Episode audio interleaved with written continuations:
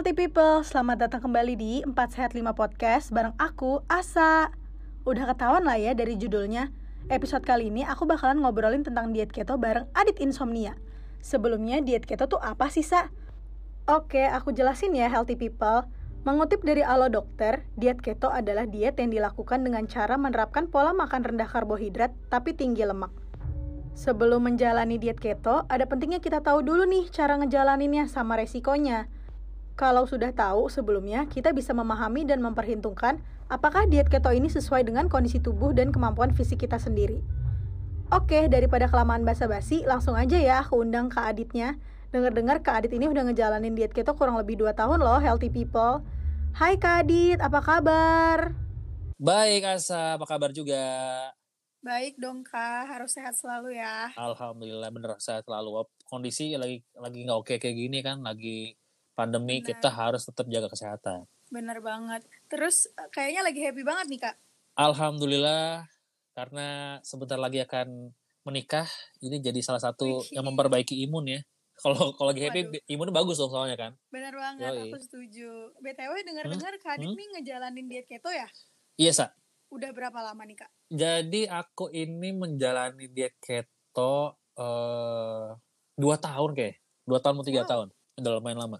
Serius kak? Serius ini udah dua tahun, 2018 awal kalau nggak salah Februari, iya bener. Aku udah dua tahun jalan diet keto. Awalnya kenapa tuh kak? Kok mau ngejalanin diet keto?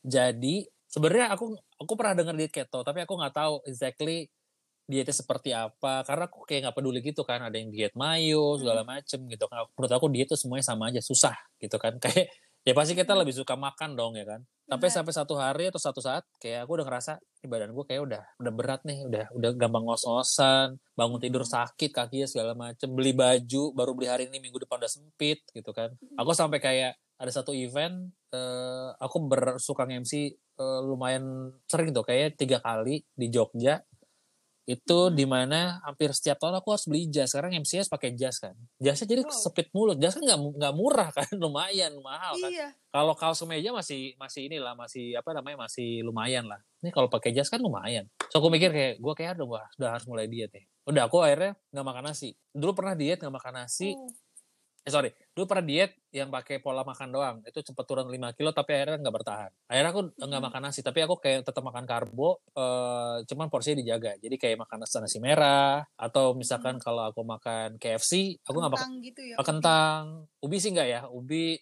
takut kentut-kentut soalnya. Jadi lebih kentang ya. Kentang kayak okay. kayak kalau KFC kan ada perkedel tuh. Aku makan perkedelnya. Hmm. kalau McD mungkin kentangnya atau makanan-makanan lainnya lah. Jadi intinya aku substitute dari nasi uh, jadi karbo yang lain. Sampai akhirnya hmm. makan roti segala macam. Terus turun sih kayak turun sekilo, kayak lumayan agak lama ya gitu. Sampai akhirnya uh, aku udah belanja-belanja makan makanan buat dia tuh yang yang apa namanya yang bukan makan nasi lah pokoknya. Aku beli sereal segala macam. Itu baru banget aku pas belanja bulanan, aku ngeliat Instagram aku si eh, Instagram teman aku namanya Doci, Doci Piwi Gaskin. Dia sempet gendut, lumayan gendut, lumayan gemuk gitu ya kan. Terus kurus so nanya lu diet apaan? Ini namanya diet keto tadi gitu itu apa sih? Dijelasin sama dia bla bla bla bla. Terus sampai makannya apa aja segala macam. Akhirnya aku coba. Aku coba ternyata dia e, ibaratnya berguru sama teman aku juga yang dulunya badannya gede banget sampai akhirnya turun sekitar 40 kilo. Wow. terus akhirnya aku tanya ke dia kan ya jadi intinya diet keto ya lo tidak mengkonsumsi karbo dan gula justru konsumsi lemak. Jadi kita bakar lemak pakai lemak gitu. Hmm ya udah akhirnya jadi makan daging-dagingan terus gitu kan daging tapi kalau bisa yang banyak lemaknya bukan cuma protein gitu. Oh. sampai akhirnya uh, aku nanya ke dia apa yang nggak boleh? Pokoknya nggak boleh gula gula sama karbo. Gua, jeroan boleh boleh segala macam. Itu kan yang aku suka kan. Ya udah akhirnya aku ngejalanin ngejalanin ngejalanin di lima bulan pertama atau enam bulan pertama aku udah langsung turun 16 kilo. Nah tadi pokoknya sampai 16 kilo tuh sa dalam waktu jangka waktu enam bulan.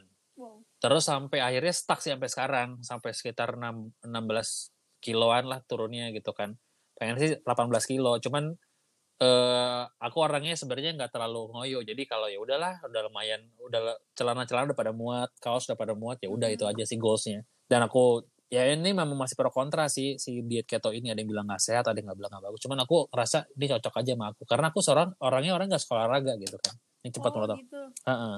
Jadi selama ngejalanin diet keto itu tapi tetap diimbangin sama olahraga nggak tuh kak? Enggak. Karena emang Enggak. itu nggak sama olahraga. Jadi katanya juga kalau diet keto tuh nggak boleh olahraga yang berat-berat. Oh. Gitu. Jadi uh, olahraganya benar-benar naik tangga kosan aja. pulang pergi kan satu eh, kan lantai tiga tuh ya udah naik turun tangga aja paling Kak Adit selama ngejalanin diet keto itu ada konsul sama dokter gitu nggak kak? Uh, konsul sama dokter sih enggak sih cuman lagi tuh pernah uh, kalau nggak salah sakit atau apa gitu aku bilang kalau aku diet keto terus dokternya tapi nggak kasih nggak kasih apa ya suggest yang buruk gitu atau yang tentang atau kontra terhadap diet keto gitu sih. Jadi selama selama ini ya udah paling nggak tahu kalau misalkan e, ketika kita ngelanggar konsekuensinya apa gitu. Karena waktu itu aku pernah kayak nggak lebih nggak tahu apa yang aku konsumsi. Aku salah salah makan, aku makan gula, aku bisa diare sekitar satu jam. Hah, separah itu kak? Separah itu. Jadi memang e, keto tuh nggak bisa nggak bisa kayak ibaratnya nggak bisa cheating lah, cheating yang berlebihan. Oh. Jadi kayak dulu waktu mau trip ke Jepang aku pikir kayak gue harus cheating dulu deh gitu di Jepang dan dari cheatingnya dari Jakarta gitu. Aku harus teman di satu temen aku kayak lo mau cheating ya lo harus makan yang ringan-ringan dulu kadar gula ringan, jangan langsung nasi atau karbo yang lain. Mm-hmm. Akhirnya aku pesan makan buah, langsung pusing. Pakai nggak usah deh. Akhirnya aku decided untuk waktu ke Jepang nggak cheating sama sekali. Akhirnya alhamdulillah ketemu sih makan makanan bisa aku makan selama di Jepang gitu. Ya, tapi sedih dong kalau lagi jalan-jalan tapi tetap harus ngejalanin diet itu sedih banget gak sih kak? Eh uh, ya lumayan sih, lumayan sih. Tapi selagi bisa ketemu uh, yang bisa aku makan aman-aman aja gitu. Kayak misalkan waktu aku ke Jepang kan aku harus camping kan. Hmm. Camping di festival musik. Untungnya ada satu uh, stand makanan yang jual kayak yakitori gitu yang di grill terus daging-daging hmm. terus isinya lemak-lemak itu kayak ya aman-aman aja. Aku selagi ada saat itu tuh nggak masalah sih. Karena juga aku orangnya nggak terlalu suka makan kan kalau Jepang kayak makan ramen gitu-gitu kan makan udang gitu aku nggak suka. Biasa-biasa aja gitu. Jadi kayak ya udahlah gitu. Aku juga bawa makanan dari Jakarta kan bawa rendang yang oh, aduh. yang apa namanya yang dibungkus itu kan terus diangetin di sana gitu doang sih. Hmm, gitu. Okay. kalau biasa kan kalau jalan-jalan tuh suka ada apa namanya manis-manis gitu kan street food street foodnya gitu. Nggak kepengen nyobain tuh berarti? Hmm, lebih gak tahu itu manis apa enggak jadi pernah kayak makan yakitori tiba oh manis. Ya udah deh. Yang penting kadar manisnya dalam satu hari itu nggak banyak. Bagian kalau kalau jalan luar kalau pergi ke luar negeri kan ini kan apa namanya kan lebih banyak jalan kakinya jadi kebakar juga yang udah ini kita ini kita konsumsi gitu-gitu sih.